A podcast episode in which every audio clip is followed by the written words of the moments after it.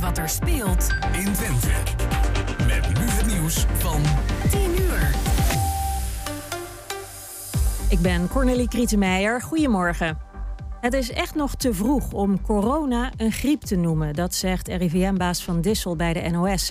Je wordt misschien niet heel ziek van de Omicron-variant, maar het is geen garantie voor de varianten die er misschien nog aankomen.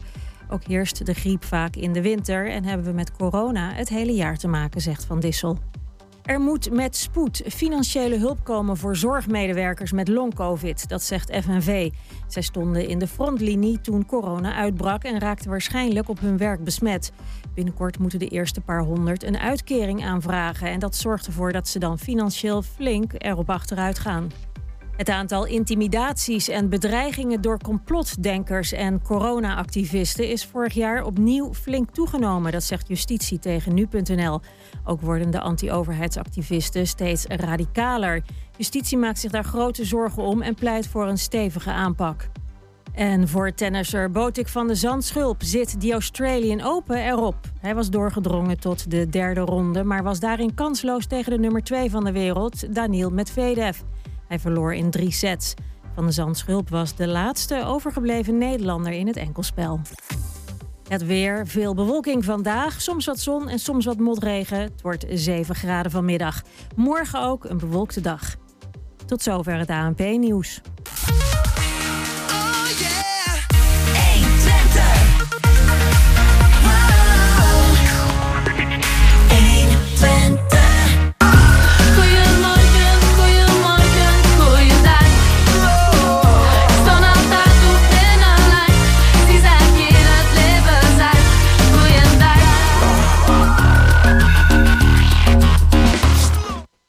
Heel goedemorgen en welkom bij Goedemorgen Hengelo. Live op deze zaterdagochtend 22 januari vanuit de Beursstraat in Hengelo. Ja, goedemorgen. Eh, en dan helemaal, ja, je zei het hè, live voor het eerst, officieel, mogen Ja. wij aftrappen uit de bibliotheek. Ja, eigenlijk wel. Hier heeft natuurlijk de top 1000 plaatsgevonden eh, in de periode tussen kerst en oud en nieuw. Toen was hier een, eh, tenminste voor het technische gedeelte, een tijdelijke opstelling. Mhm. Maar nu is het helemaal voor het echt. Ja, en eh, dat is even wennen natuurlijk. Mooie nieuwe microfoons, mooie lampjes erop, eh, mooie schermen waar we op kunnen kijken en een beetje kunnen spieken als we wat willen zeggen. Ook dat en een mooi uitzicht, want we zitten hier ehm, aan Ja. de Beursstraat naast de bibliotheek. Ja. Eh, ja, achter de, achter de Gordijnen. grote ramen waardoor we naar buiten kunnen kijken. En alles een beetje in de gaten houden wat er in Hengelo gebeurt. En meer dan genoeg ruimte voor gasten. Er zit er al eentje tegenover ons. Eh, de eerste gast die we vandaag hebben, dat is Gregor Dijkhuis. Ik eh, moest even oefenen op de voornaam. Gaan we het straks nog wel even over hebben. Eh, dat is, die heeft een boek geschreven, De Middeleeuwse Zomer. En dat is er niet zomaar eentje. hè? Nee, het is een historisch werk waarin de periode tussen het jaar 1000 en 1300 eh, heel uitvoerig en eh, boeiend, als het goed is, wordt beschreven. Dat horen we straks. Ja, we gaan cultureel verder, eh, kunstzinnig. Guido Kranenberg, die eh, is heel goed met tekenen en schilderen. En die heeft een aantal tekenen, heeft zelfs wat meegenomen. Die is nu een schilderij aan het uitpakken, een flinke grote. Dan gaan we eens kijken wat hij geschilderd en getekend heeft. En ja, ja, wat hij er allemaal nog meer kan. En waarom hij inderdaad zo mooi kan tekenen en schilderen. En daarna bellen we met Ingeborg Wind. Zij is van de bibliotheek Hengelo. Met haar nemen we de agenda door. Mhm, En dan eh, wel goed om even vooruit te blikken naar het tweede uur. mhm. Want eh, naar de studio komt Marianne Kromkamp. Zij heeft haar expositie geopend bij eh Zie de Vensters. Dat is in de Schouwburg, eigenlijk de ramen van de Schouwburg. Dus vanaf de buitenkant te zien. Ja, dat is nu nog maar twee deuren verderop, hè? Ja, dat is heel dichtbij van hieruit. En dat heet In My Garden. Mhm. Dan eh, Michael Kessing, die heeft een sponsor fiets, eh, nou moeilijk woord zeg, sponsor fietstocht eh, gemaakt, het Thuis voor Guus. En ja, we gaan natuurlijk vertellen wat die sponsor fietstocht, of eh, we gaan vragen wat die sponsor fietstocht precies te betekenen heeft.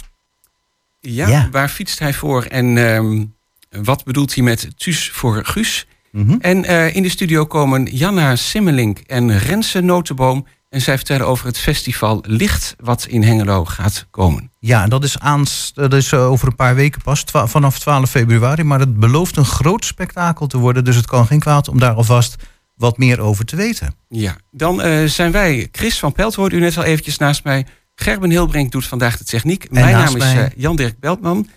Bereikt ons deze week ook nog het droevige nieuws van het overlijden van Meatloaf. Zeer bekend van Paradise by the Dashboard Light. Maar wij draaien een ander nummer van hem.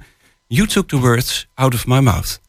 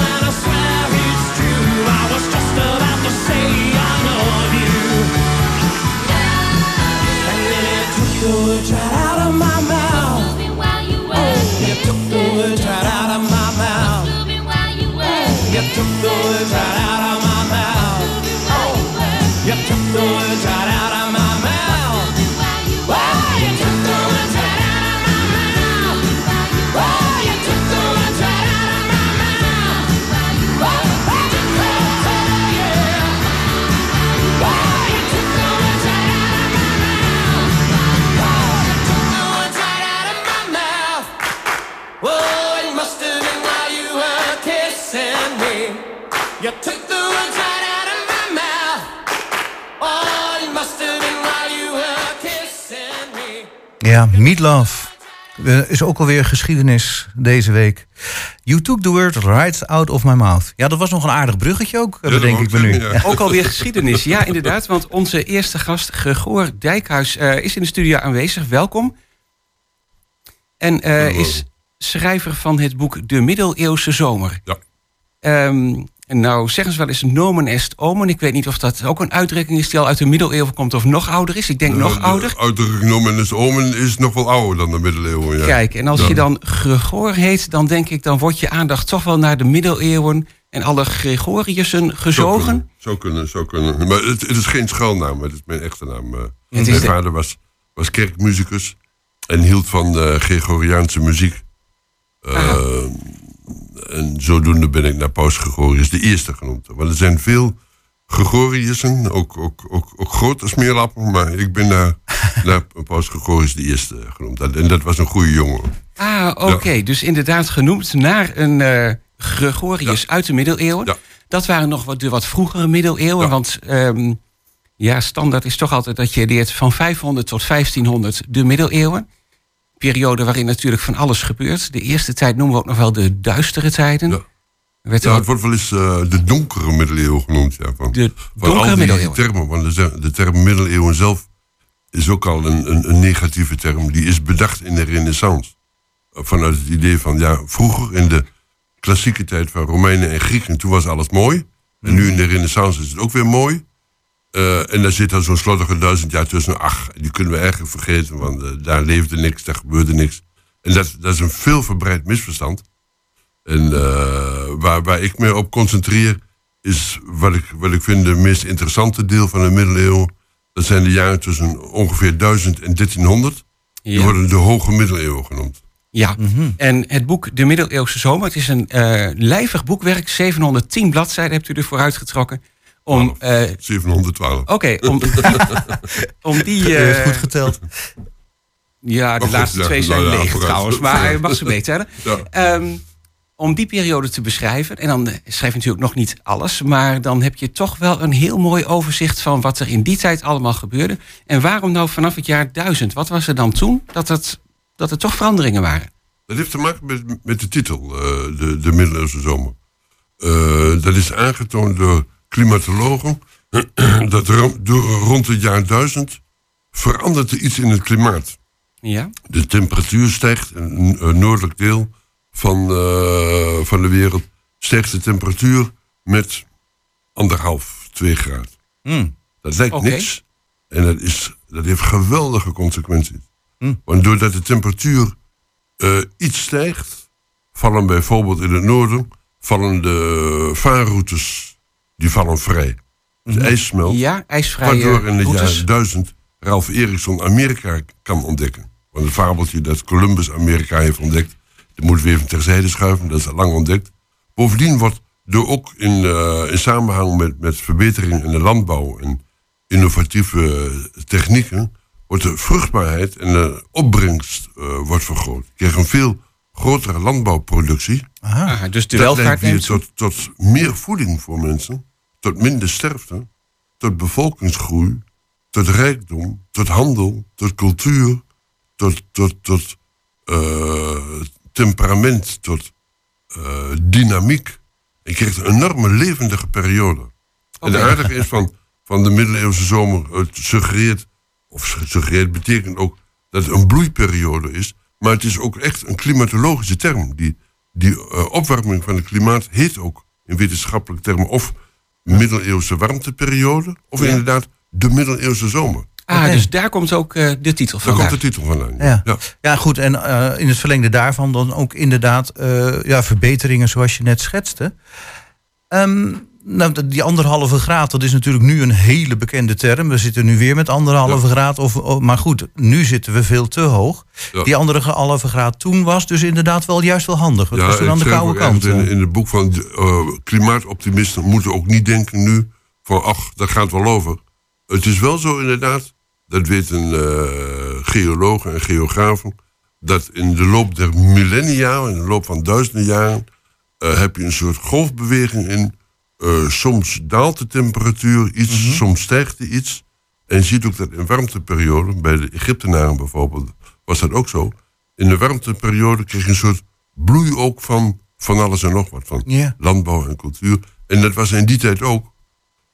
Maar je moet niet denken dat het nu ook een voorbijgaand iets is. Nee, niet dat we nu in een bloeiperiode nee, zitten of zo. Dat, eh, dat Nee, moet en je- ook niet van dat dit een soort eh eb en vloed door de tijd heen is. Nu is, heeft de mens dit voor een, in ieder geval voor een groot deel veroorzaakt. ja, Eh, en dan, dan, dan ligt het toch anders. ja. ja, we gaan Ja, weer terug. wat dat betreft is die niet helemaal eh, te vergelijken natuurlijk. Nee, nee, nee, nee. Laten we Of inderdaad helemaal weer... niet. Even teruggaan eh naar het boek en naar de tijd van de middeleeuwen, zei jij? Dat wou ik ook zeggen, inderdaad. Ja. Ehm, hoe hebt u dit eh, eigenlijk in het boek beschreven? Is het min of meer chronologisch? spring je van belangrijk onderwerp naar belangrijk onderwerp? Of heb je keuzes gemaakt in onderwerpen? De bedoeling van het boek is eigenlijk dat, eh, dat, dat de lezer wordt meegenomen op een soort reis door Europa. Want vrijwel alle landen van Europa komen er ook in voor. Aha. En dat als je dit boek gelezen hebt, dat je eigenlijk alle belangrijke gebeurtenissen in die drie eeuwen hebt gelezen. En kennis hebt gemaakt met alle belangrijke mensen. En eh, eh, ik vind de aardige, van de, van de aardige opzet van het boek, vind, vind ik zelf. Het eerste gedeelte is chronologisch. Ja. Dus de grote gebeurtenissen zijn chronologisch. Eh, dan wordt er in de tekst bijvoorbeeld een naam vet gedrukt in, in hoofdletters.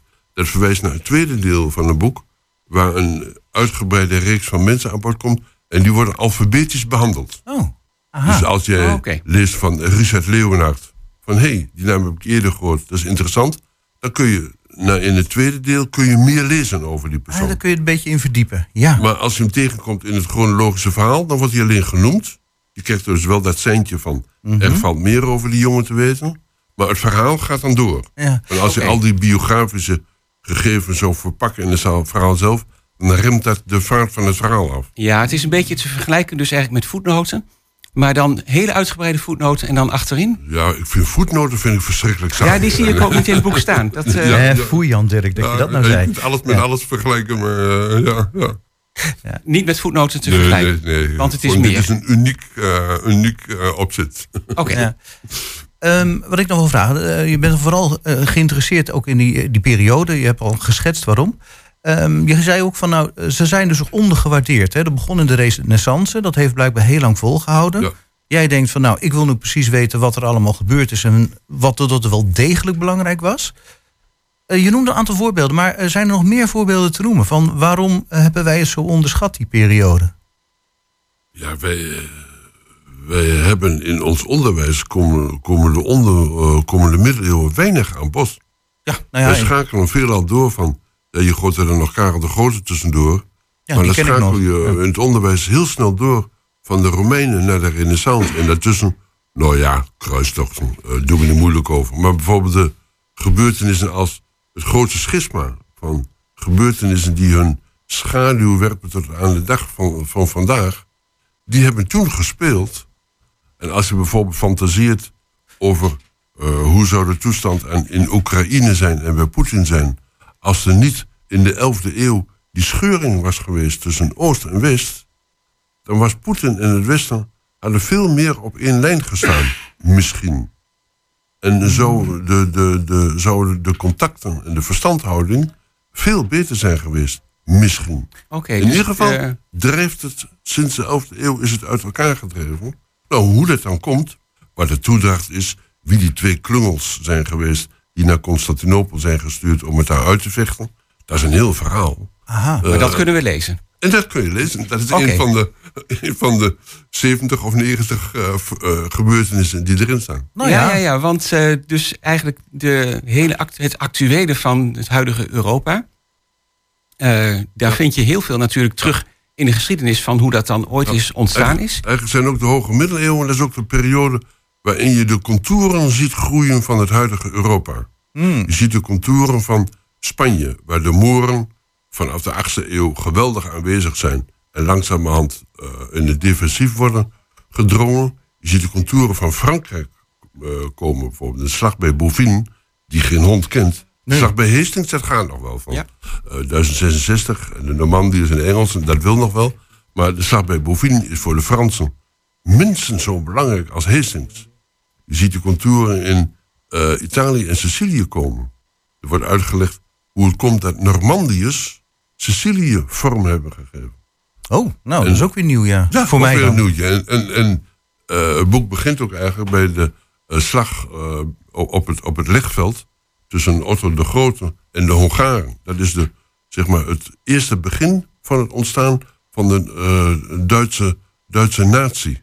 Oh ja, Dat de Duitsers voelen van verrek, wij zijn één volk, we zijn niet, we kunnen veel meer zijn dan een losse verzameling stammen. We kunnen samen ook iets bereiken. Oké, dan zitten we op, op grote lijnen. eh, politiek, macht. Maar u zoomt, je zoomt vast ook wel eens in op eh, kleine bijzonderheden. Grappige Ja, dingetjes die je tegenkomt. Het, het boek staat vol van sappige anekdotes en le- kleine leukigheden. eh. En wat, wat heb je nou zelf als je dan hier zo mee bezig bent? Want je leest natuurlijk heel veel boeken voordat je Ja. zelf hieraan kunt beginnen. Ja. Bezoek neem ik aan ook heel veel plaatsen. Eh, wat voor bijzonderheden kom je dan tegen dat je denkt, nou daar stond ik toch echt helemaal zelf versteld? Ja, ik, ik vind het altijd leuk om dingen, eh, dingen eh, op te nemen die eh, de lezer eh, verrassen. Van kleine feitjes die misschien op zichzelf eh, onbelangrijk lijken, maar die toch smeuigheid en sappigheid aan het verhaal geven. Eh, er zitten hele gekke mensen in, eh, die rare dingen doen. Van, Ja, ja, want het was natuurlijk een kleurrijke periode hè, met ridders en pausen Ja. en ja, jonkvrouwen. graven en jonkvrouwen. eh, en, en, en troubadours en muzici en Ja. eh, gekkigheden. En bijvoorbeeld, er, er wordt ook een sneren uitgedeeld naar, naar, naar wilders en dat soort creaturen. Eh, over, het boek heeft heel sterk bijvoorbeeld de zegeningen van de Arabieren. Van in uh, ja, Andalusië. ik noem al eventjes de die Moorse periode. Ja. Nou, ik zie hier ook nog eens heel, een hele simpele constatering, maar dat wisten we misschien wel. De vorming van steden. Een vorming van steden. Van Ja. bevolkingsgroei, steden, handel, zeerepublieken, Hansesteden. eh Ja. Nog eventjes terug naar de footnotes, en die staan er dus niet in. Maar dat is meteen ook vaak wel in boeken een eh, manier om aan te geven waar je de informatie vandaan hebt of waar de lezer eh, meer informatie kan zoeken. er staat natuurlijk een keurige literatuurlijst eh, achterin. eh. Ah, kijk, Ja, ja. achterin vinden we een literatuurlijst. Heeft het veel werk gekost? Bent u er lang mee bezig geweest? Nou, een jaar of tien of zo. Zo. Oké. Ja, maar niet, niet, niet vol continu natuurlijk. Maar ik geef, Maar toch? ik geef al sinds een jaar, een jaar of tien geef ik lezingen en cursussen over, over de hoge middeleeuwen. En in de loop van die tijd verzamel je dus allerlei informatie. Nou, dat, eh, dankzij corona. Eigenlijk is, is corona voor mij een soort blessing in disguise geweest. Dat je de tijd hebt om achter elkaar door aan één project te werken. En mijn vrouw zei, als, je- als je het ooit wil doen, dan moet je het nou doen. Nu heb je Ja. Dan kun je het afmaken. Ja, eh, nu kun je gelegenheid. inderdaad mee bezig gaan en afmaken. En nu, nu kun je het afmaken. Ja. En nu is het uitgekomen bij uitgeverij Aspect. eh, Best een grote uitgeverij volgens mij. Ja, ja. Dus het is gewoon landelijk verkrijgbaar bij Ja. boekwinkel en Zeker. overal. Ja. Voor de En bij de prijs auteur van, zelf ook. eh, en ja, bij de auteur ja, zelf. Ja, ja, Voor de prijs van 39 euro. 95. 39 euro Maar 95. 40 is ook goed. eh, ja. Ma- Je mag het afronden. Ja, ehm, dan wou ik eigenlijk nog eh, afsluiten met... eh, ja, je had over die anekdotes. Ik zou dan eigenlijk nog wel een leuke willen horen. Ik weet niet of je dat uit je hoofd weet of dat je nog even moet bladeren. Oh, ik, ik, ik weet meer dan genoeg eh, anekdotes eh, uit mijn hoofd. Nou, bijvoorbeeld wat ik net zei over de slag eh, op, op het lichtveld eh, tegen de Hongaren. Dan beleggen eh, de Hongaren eerst de stad Au- Augsburg in, in Zuid-Duitsland. En dan verenigen de Duitse stammen zich en gaan in de tegenaanval. En hebben dat, ja, anekdote, anekdote. En hebben dat zo goed georganiseerd.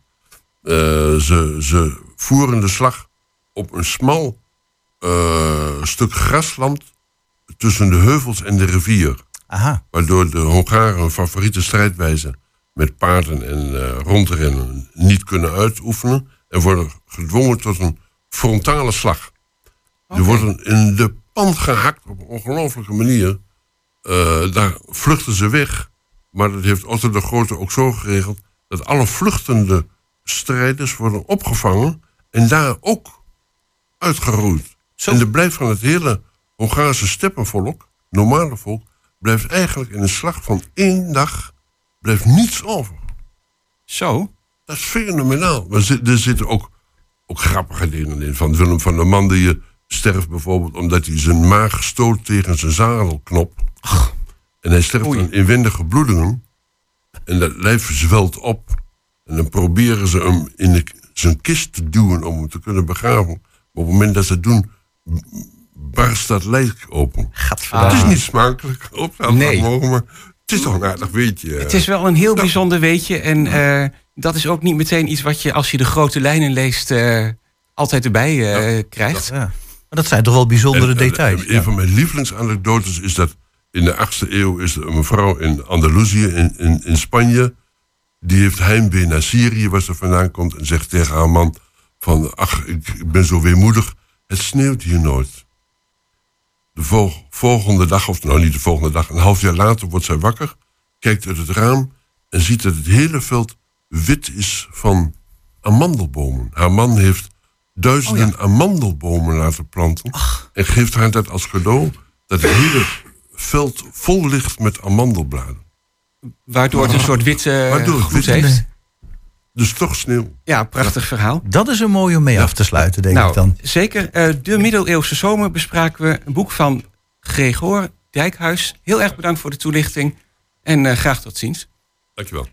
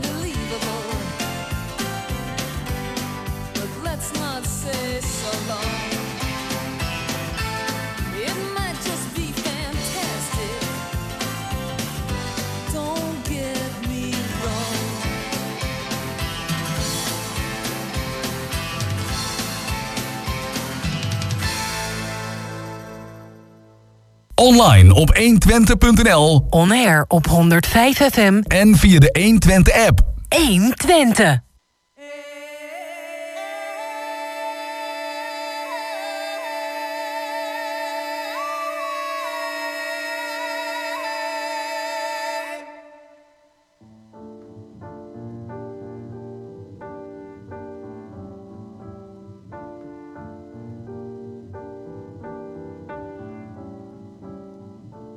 Pas tout seul à être tout seul, ça fait déjà ça de moins dans la tête.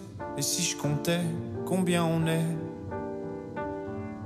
Beaucoup, tout ce à quoi j'ai déjà pensé, dire que plein d'autres y ont déjà pensé, mais malgré tout, je me sens tout seul. Du coup, j'ai parfois eu des pensées suicidaires et j'en suis peu fier. On croit parfois que c'est la seule manière de les faire taire. Ces pensées qui me font vivre un enfer. Ces pensées qui me font vivre un enfer.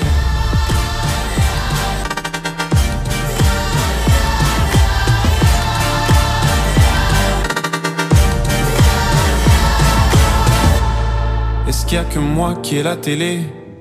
Et la chaîne culpabilité Mais faut bien changer les idées. Pas trop quand même, sinon ça repart vite dans la tête. Et c'est trop tard pour que ça s'arrête. C'est là que j'aimerais tout oublier. Du coup, j'ai parfois eu des pensées suicidaires j'en suis peu fier. On croit parfois que c'est la seule manière de les faire taire. Ces pensées qui me font vivre un enfer. Ces pensées qui me font vivre un enfer.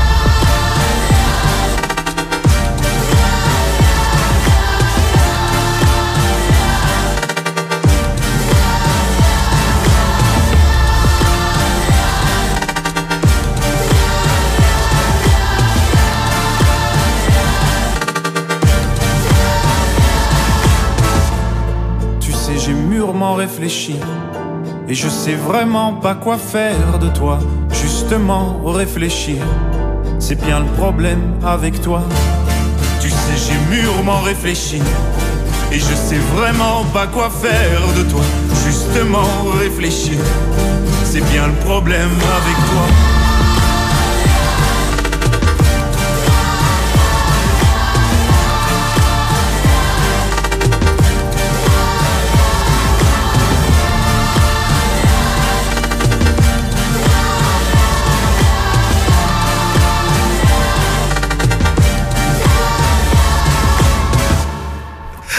Goed, terwijl Jan Dirk nog even met zijn koptelefoon bezig is, kondig ik het plaatje vast af. Uh, Stromae met een nieuwe single, L'Enfer. Ja, ja, inderdaad. En eh, bij ons in de gast, onze, bij ons in de studio, onze volgende gast. Ik ben helemaal in de war met die koptelefoons eh Ja. klungelen. Eh, en snoertjes die overal achter blijven haken. Maar Ja, nou goed. we gaan gewoon door. Eh, is Guido Kranenberg. Welkom, leuk dat je er bent, eh, Guido. Goedemorgen. En eh, we hebben jou uitgenodigd vanwege eh, de tekeningen en schilderijen die je maakt. Zeker. En de connectie die je hebt met Art Brut.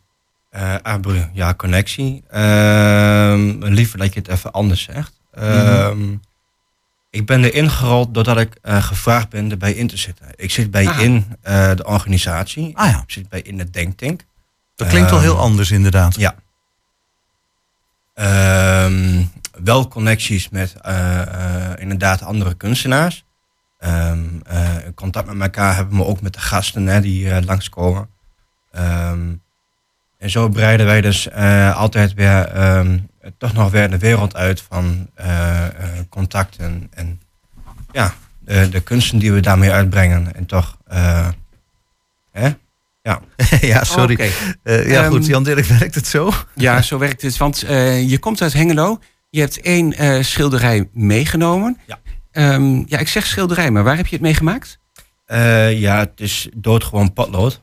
Oké. Ehm, Maar hij is wel heel groot, hè? Hij is heel groot. Eh, ik had zelf ook niet gedacht dat ik het op zo'n groot doek zou doen. Eh, er werd me gezegd van waarom doe je het niet op een grote doek? En toen dacht ik, ja, laat ik dat maar gewoon doen ook.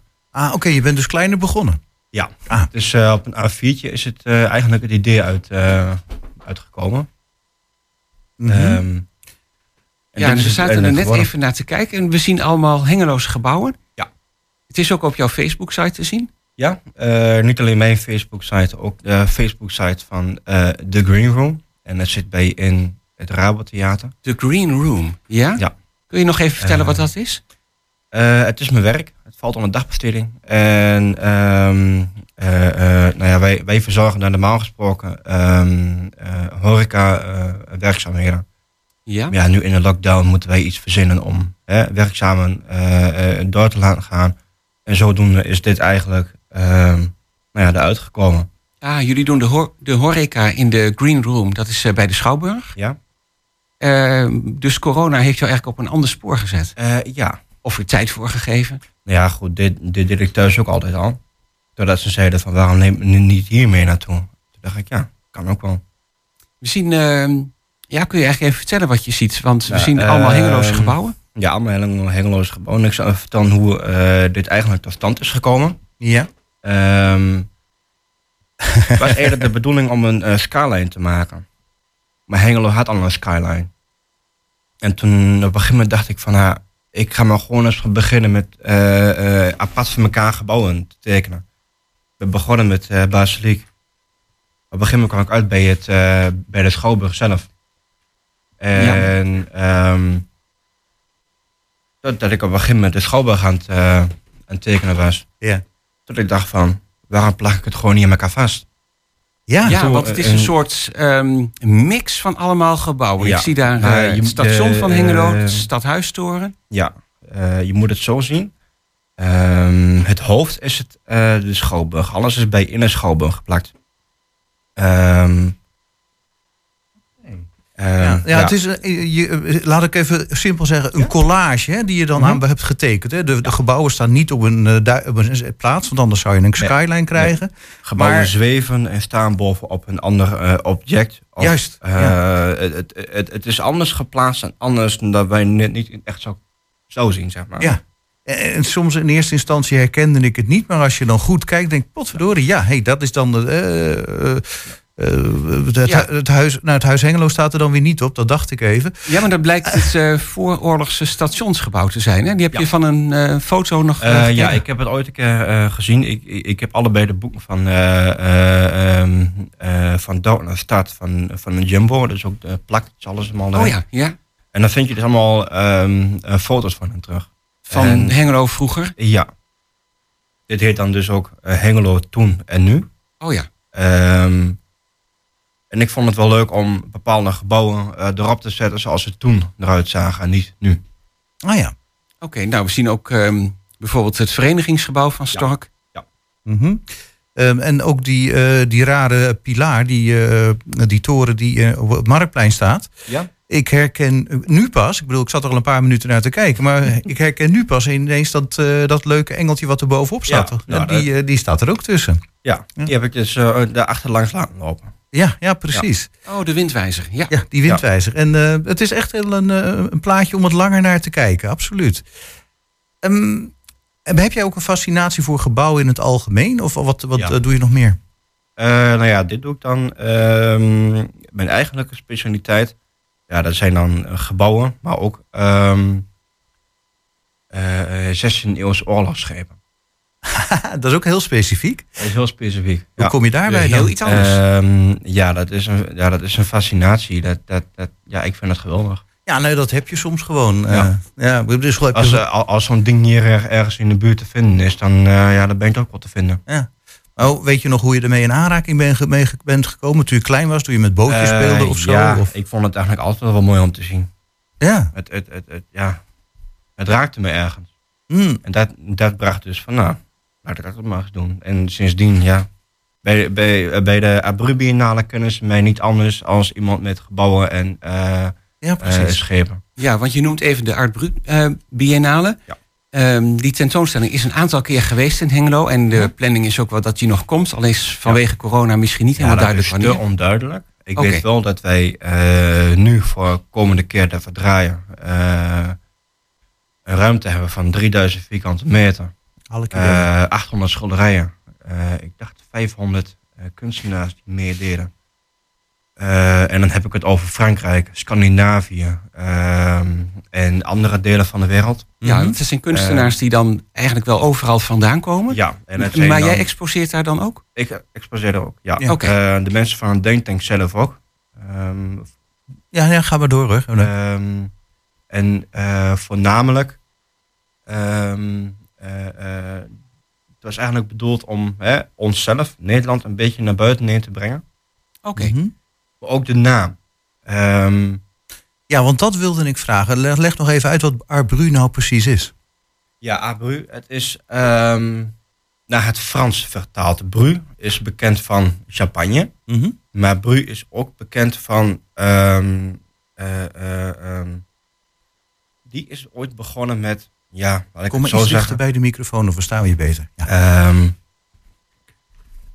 ja dat, gaat, dat is goed genoeg zo hoor. ehm, Bru bestaat ook bekend om. hè, eh, laat ik het zo zeggen. mensen met Down-syndroom of andere eh, eh, mensen die het niet helemaal de weg goed, goed konden vinden. Mensen in de wijnkelder neer te zetten overdag. Om daar aan, aan werk te zetten. In de wijnkelder, oké. Ehm, in Engeland noemen ze het outsiders art. Daar is het eigenlijk mee begonnen. De naam. Oh ja. Oh ja. Eh, maar wij vonden het dus eigenlijk niet kunnen. Gewoon geen goede naam, zeg maar. Een beetje een, Nou, denigrerend. ja, een beetje een de- denigreren, een negatieve naam. Mhm. En wij dachten van art, dat is Engels. Mhm. En dan bru voor het Franse. Mhm. En dan die, wij zijn nu Europa's grootste. We hebben de, de titel van eh, Venetië overgenomen. Wauw. Ja, en Oh, bru eh, zou je ook kunnen vertalen met rouw, hè? Van Ja. oorspronkelijk. Ja, ja, En dat vind ik wel heel mooi, want hè, Ja. ook mensen met een beperking die schilderen veel meer vanuit hun gevoel, denk ik ook. En, het, het is ook eh, bedoeld eh, voor mensen met een beperking. En dan kun je alle beperkingen bedenken die je maar eh, Mhm. kunt verzinnen. Ehm, eh, maar ook eh, ehm, ja, kunst van mensen met een beperking. En dan, ja, het is fascinerend wat je ziet. Ja, want als je daar zelf ronddoot op die tentoonstelling, Ja, daar heb je dan ook wel even tijd voor, denk ik. Dan ja, kijk je je ogen uit. Ik, nou, over jouw tijd voor, dat, dat, dat- ik maak er nog altijd tijd voor. En, Ja, en- precies. en ik kan me niet schelen hoeveel mensen ik eh, daar ken. Ik, ik loop er gewoon doorheen. En als mensen mee willen, dan loop, ja, die loopt maar lekker mee. Ja. ja, ja, zeker. Ehm, ja, want ik vond het ook mooi. Ik weet niet meer wanneer de laatste keer in Hengelo was, maar ik zit echt te wachten tot het weer in Hengelo komt. Ja, Ja. Ik, kan, ik, ik weet zo zelf niet waar het komt. Mhm. Het is eh, heel onduidelijk. Eh, het probleem is namelijk, ehm, Hengelo is zo gigantisch aan het stoeien met plek en doen en het breken en het opnieuw zetten van.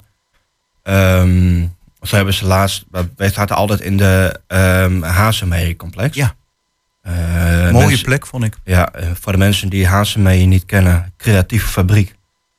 Ehm, eh, daar hebben ze nou onderdak gemaakt voor ehm, vluchtelingen. Eerder hadden ze daar de priklocatie.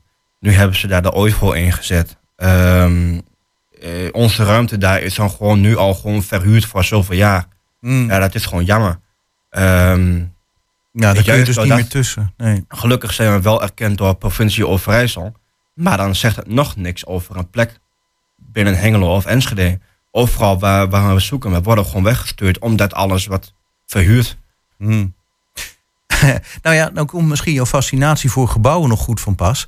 Je kan natuurlijk nog rondkijken of er ergens een gebouw leeg staat hier in de buurt. Ach, staat. ja, Ja, wat dat betreft moet het toch mogelijk zijn om nog wel een ruimte te vinden natuurlijk. Nou, VDL die gaat straks weg. nou Dus hier. dat, eh, dat gaat eruit. Moet je zien wat een ruimte je voor terugkrijgt. Echt belachelijk. Nou, ja, daar moet toch over te praten zijn, zou ik zeggen. Oh, eh, als je de, de, dan heb ik het over de oude hal waar eh, vroeger de, de, de hotlo in elkaar werd gezet. Nou, dat is eh 9000 vierkante meter. Nou, kijk. Eh, op één klein stukje. Oké, dus mogelijkheden zie je in ieder geval wel. Ben je nu ook nog bezig met alvast werk te maken voor als er weer Ja. eentje komt? Ja, ehm, ik ben nou weer met zo'n project bezig. Ehm, alleen dit wordt dan puur alleen industrieel bouw. Ja. Ehm, dit zijn eh, eh, woon- en eh werkgedeeltes. Oh ja, oké. Eh, alleen er komt er dan nog eentje, een opvolger. En dat wordt dan alleen eh, industrieel bouw. Ook op dezelfde manier zoals hier eh, eh, gezet is, zeg maar. Ja, Ik ben er nu al heel benieuwd naar hoe je dat gaat doen. Ja. Eigenlijk wel. Maar goed, ik zou zeggen Ja, alvast ik, heel veel eh, succes ermee. Ik, ik, heb er nog, ik heb er nog geen foto's van en ik ga er niks van verklappen hoe dat eh, eruit gaat, eh, gaat zien. Want Nee, dan, nee, nee. nee, dat weet je zelf nog niet eens, denk ik. Nee, Ik nee, heb wel, ik heb wel. Oh, je hebt het al wel in je hoofd? Ja, ja, ja. ja. nee maar dat moet je ook niet doen. Je moet pas laten zien als het af is. Of als, Ja. zo, als je vindt dat het af Ja, is. Ja, daarom. helemaal goed. Leuk. Aard Bru, daar heb je iets over verteld. En over eh, jouw eigen werk en wat jij er dus ehm, ja, mee doet. Tentoonstellen daar. Eh, leuk. Ik zou zeggen succes eh, met, eh, met je tekeningen. Dus zijn het dus eigenlijk. Ja, dankjewel. En eh, ja, we zijn benieuwd. Ja, we zijn zeker benieuwd. Ehm, nou, hartstikke leuk ook dat je dat eh, de, ja, tekening, ik moet wel schilderij zeggen, maar de tekening, dat Ja, je die hebt meegenomen. schilderij, het mag allebei. Ja, en ehm, ja, heel fijn dat we het hebben gezien. En eh, ja, graag tot een volgende keer. En als, nou, als je nou weet wanneer het weer gaat gebeuren, die Art Brut Biennale, dan gaan we er zeker reclame voor Ja, maken. laat het dan Eh, eh, even als weten dan, als eh, het ergens geëxposeerd zal wordt. ik eh, Jos Klasinski even eh Ja, lijkt me een heel goed idee. Dan, Ja, dan eh, horen we het Ehm, graag. Voor de mensen die nieuwsgierig zijn, kom gerust even langs bij, eh, bij de Schouwburg en vraag ernaar. En vraag naar Guido, dan ehm, laat hij het rustig even zien. Ah, oké. Uitstekend. Guido Kranenberg. Ja. Heel erg bedankt. En dan eh, heel graag tot de volgende keer. Eh, Dankjewel. Tot ziens.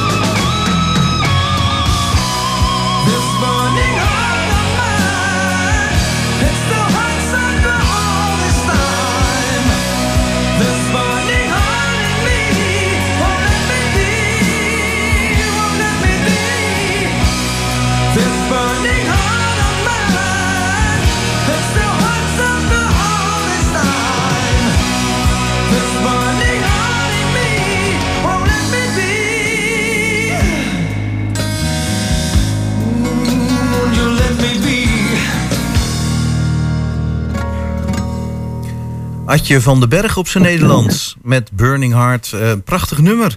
We gaan naar de bibliotheek. Dat vind ik gek om nou te zeggen. We zitten namelijk in de bibliotheek. maar we gaan ook naar eh, de contactpersoon van vandaag. En dat is Ingeborg Wind. En ik vind het ook toch raar dat je nou aan de telefoon hebt hoor, Ingeborg. En dat je niet hier in de studio zit bij de Biep. Ja, dat klopt. Dat is eigenlijk raar, hè? Ik zit gewoon thuis in Diepenheim. Kun je nagaan. Oh, dat is toch wel Maar eentje toch. rijden. Dan, nou, dan goed, dan is het maar goed dat we het dan toch telefonisch doen. Ja. Nou, zoals elke week, hè, tenminste, we pakken de draad weer op. Ehm, ja, er is er weer een heleboel in de bibliotheek te doen. Ik heb eh, net even een beetje zitten eh, bladeren.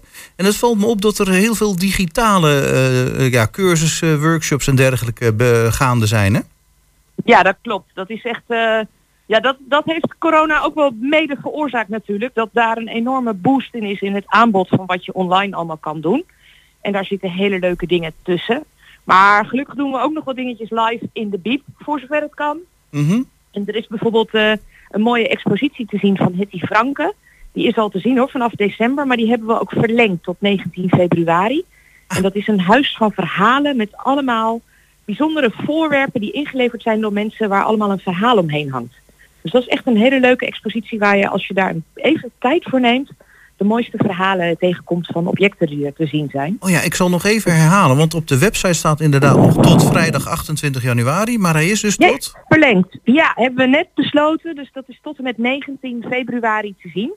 Dus dat, eh, die blijft gewoon mooi nog even in de biep staan. Nog even... En we gaan ja. ehm, eind januari, 26 januari tot en met 5 februari beginnen de nationale voorleesdagen. Dat is een, een landelijke campagne eigenlijk door, door heel het land om voorlezen te stimuleren met je kinderen. En dan staat er ook altijd één prentenboek centraal. En dit jaar is dat Maar eerst ving ik een monster. Een leuk prentenboek wat je samen met je kindje kan lezen. En wat echt gaat over het uitstellen van het naar bed gaan. Eerst ga ik nog dit doen, eerst ga ik nog dat doen. Ja, ja. Dus dat is een heel gezellig boek om voor te lezen. En om dan Eh, vlak voor het slapen gaan nog eerst even een monster te vangen. Monsters te vangen. En daar worden ze lekker rustig van. Dus dat gaat helemaal goed komen. Oké. Nee, dat is, echt, dat is heel leuk. En ehm, ja, dat stimuleren we natuurlijk. Want lezen is, eh, is sowieso belangrijk. Mhm. Wat we ook doen, wat je merkt in de piep, en dat, dat zul jij ook merken nu je er vaker bent, denk ik, dat er op de ehm, tweede verdieping ook, er zijn ontzettend veel werkplekken in de biep. Dus er wordt ook door jongeren heel veel gebruik van gemaakt om een fijne studieplek te vinden in coronatijd. En dat kan dus heel mooi in de biep. Je plugt gewoon je laptopje in en je kan lekker aan de slag. Ah. En ehm, wat wij daar vanuit de BIEB dan ook bij doen, is dat we hulp bieden eigenlijk bij huiswerkbegeleiding. Dus als jij nou een kind hebt in groep 7 of 8 of op het voortgezet onderwijs wat hulp kan gebruiken bij huiswerkbegeleiding, dan kun je dat ook via de BIEB regelen. Dat is wel een goeie om dat nog even te noemen. Ja, Ja. en dat wordt ook gedaan door studenten. Dus dat is echt eh, eh, ook door, door jongeren zelf eigenlijk. En dan kun je op donderdagmiddag kun je, eh, huiswerkbegeleiding krijgen. En dat wordt helemaal op maat gesneden van het kind wat het nodig heeft en wa- waar dan bij geholpen wordt. Dus als je daar meer over wil weten, zou ik zeggen, meld je ook even in de biep en dan kunnen ze je er alles over vertellen. Mhm. En dat zijn, ja, dat zijn mooie dingen. Je ziet dat je als bibliotheek ook heel veel van dat soort, dat soort dingen gaat doen. Hè? Die beetje die maatschappelijke ehm, toevoegingen, die, die passen ook heel mooi bij een bibliotheek. Absoluut. Daar, ge- daar Ja. gebeurt erg veel eh, in. Ja, en verder zijn we bezig ehm, qua programma ook om te kijken naar de gemeenteraadsverkiezingen natuurlijk Ah, ja. eh, in maart. En we hebben een thema democratie daaromheen opgetuigd. Eh, en daar gaan we ook wel bijzondere dingen in doen. Ik hoop dat daar ook een deel live van kan tegen die tijd. Maar goed, dat moeten we altijd maar even afwachten. We gaan onder andere eh, Olaf Koens uitnodigen. Hij is eh, correspondent bij het nieuws en is Midden-Oosten deskundige en ook Rusland-kenner. Oké. En we hadden juist ook zoiets van met democratie van hoor eens ervaringen uit landen die geen democratie zijn en hoe gaan dingen daar. Dus hij Mhm. gaat eh, in elk geval eh, sowieso online, maar hopelijk ook live in Hello komen. Mhm. En we hebben ook kunnen strikken Caroline Koetsenruiter. En misschien heb je haar wel eens op televisie voorbij zien komen. Zij is agressie-expert. Zij ehm, adviseert ook politici en mensen met weet je, functies die echt in aanraking komen met bedreiging en hoe, hoe daarmee om te gaan. Oké, nou ik zal er nog eens op letten. Ik kan me niet herinneren dat ik er eh, al Nee, gehoord nou, of gezien heb. nee. Maar... Zij is een hele leuke dame die daar een boek over heeft geschreven, Het Agressieparadijs. Oh, dat Van klinkt zijn wij eh, daar oké mee met z'n allen hoe wij met elkaar omgaan tegenwoordig? Mhm. En wat kun je daar nou ook zelf aan doen als jij, nou net zoals ik, ik behoor dan tot zo'n middenmoot die daar wel wat van vindt, maar daar, zich daar verder ook, ja, wat kun je daar nou tegen doen? En Zij wanneer komt zij eh, mooie- in Hengelo? Agressie? komt- Ja? Eh, in maart, ook de datum, ik geloof 11 maart, dat moet- zeg ik even uit mijn hoofd, maar dat ehm, staat op het eh, programma van de BIEB. Oké. Dus dat komt ook voor de gemeenteraadsverkiezingen nog. Ja, nou kijk, ik denk van nou, als we nou nog meteen kunnen uitnodigen in de studio eh, die zaterdag, dat zou helemaal mooi zijn. Nou, weet je, daar gaan we naar kijken. Helemaal Dat, goed, eh, we houden contact wat dat dat. betreft. Ja. Eh, nou ja, inderdaad weer van alles te doen. Wat mij dan nog opviel, wat dan ook nog even niet... ja, trouwens, een paar dingen die me opvielen. De cursus Windows 10 is razend populair blijkbaar. Aanstaande vrijdag is die al helemaal vol. Maar dat is ook elke week. Hè? Of als je nog een basiscursus Windows 10 wil volgen... dan kan dat elke vrijdag, geloof ik, van half tien tot half twaalf. Ja. Ja? Ja, en er zijn heel veel trainingen hoor, die, die je wel kan volgen, ook op dat vlak. Dus eh, laat je daar vooral even door eh, informeren. Er ligt een heel mooie folder ook in de biep waar ze allemaal in staan. Ja, wat ik nog even wil noemen, wat je nog niet genoemd hebt... dat is het Schrijverscafé. Eh, die is aanstaande woensdag weer, hè? Ja, ik, nou als dat doorgaat. Ik denk niet dat die doorgaat. Oh, oké. Want dat is nog even, eh, want dat is avonds, hè, dus we doen nog geen avondactiviteiten. Nee, Ach ja, nee, gaat die staat door. inderdaad tussen 8 en 10. Je hebt gelijk, dat, eh, dat kan niet. Ja, Nee, nou, bij deze geannuleerd. bij deze helaas geannuleerd. We hopen dat dat allemaal weer binnenkort wel weer kan. Nou eh, ja, helemaal goed. Nou, dan zijn we in ieder geval ook deze week weer rond. En dan eh, horen we van jou of van je collega volgende week weer wat er nog meer te doen is. Ja, hartstikke goed. Ja, graag tot volgende week. Oké, prima. Dag. Doei. En dan zijn we aan het einde, bijna aan het einde van het eerste uur van Goedemorgen Hengelo. Eh, we gaan straks nog even door tussen 11 en 12. We hebben dan eh Zie de Vensters in My Garden. Dat is een expositie van Marian Kromkamp. En die is eh, vanaf, ja, in ieder geval vanaf vandaag te zien bij de Schouwburg. Hier net twee deuren verder. Michael Kessing gaan we aan de telefoon krijgen. En die, is, die gaat vertellen over de fietstocht Thuis voor Guus. En ja, hoe komt hij aan die naam? Daar zijn we natuurlijk ook heel benieuwd naar. En niet te vergeten, we gaan vast een voorbeschouwing doen van het festival Licht Hengelo. En die is vanaf 12 februari. Graag tot na 11.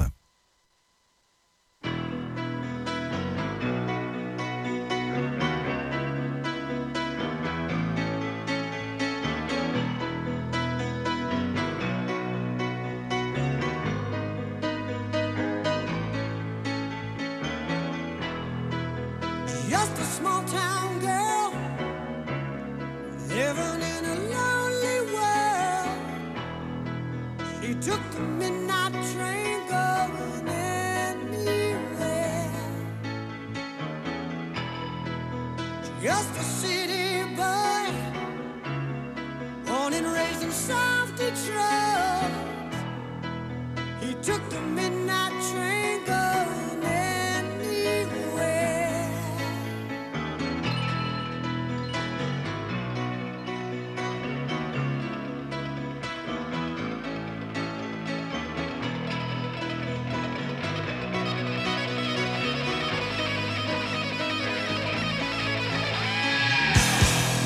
A singer in a smoky smell of wine and cheap perfume for a smile they can share.